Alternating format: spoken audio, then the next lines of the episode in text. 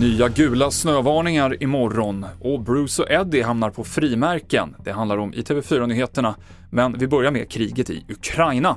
Rysslands president Vladimir Putin har beordrat en ensidig vapenvila för de ryska styrkorna i Ukraina från lunchtid imorgon till midnatt natten till söndag.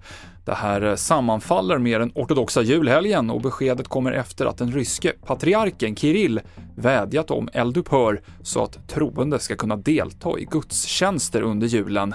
Men överstelöjtnant Joakim Paasikivi menar att Ryssland har andra skäl att vilja ha en paus i kriget. Det är någonting som de behöver och det är knappast, tror jag, någonting som eh, kommer av att de har drabbats av någon särskild eh, religiös eh, tanke eh, över den ortodoxa julen utan det här beror på att de är rätt hårt trängda. Eh, dels därför att ukrainarna har bytt målval den senaste veckan ungefär drygt och, och skjuter nu mer på, som vi har sett i Makivka, alltså på rysk trupp. Och det börjar också bli kallare så att man behöver från rysk sida en respit för att få ordning på eh, trupperna och förläggningarna. Eh, sen behöver man omgruppera så att jag tror inte att det här är ett utslag av någon slags fredsvilja.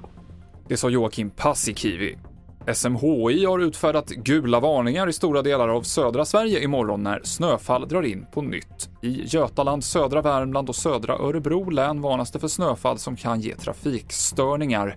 I de västra delarna av det här området och på Öland så kan vinden göra läget extra besvärligt.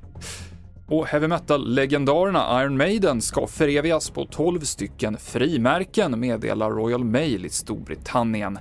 Vissa av frimärkena visar bandet med sångaren Bruce Dickinson i spetsen under spelningar. Några av frimärkena föreställer maskoten Eddie.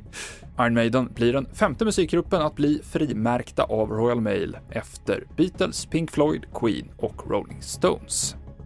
Fler nyheter hittar du på tv4.se. Jag som står i studion heter Mikael Klintevall.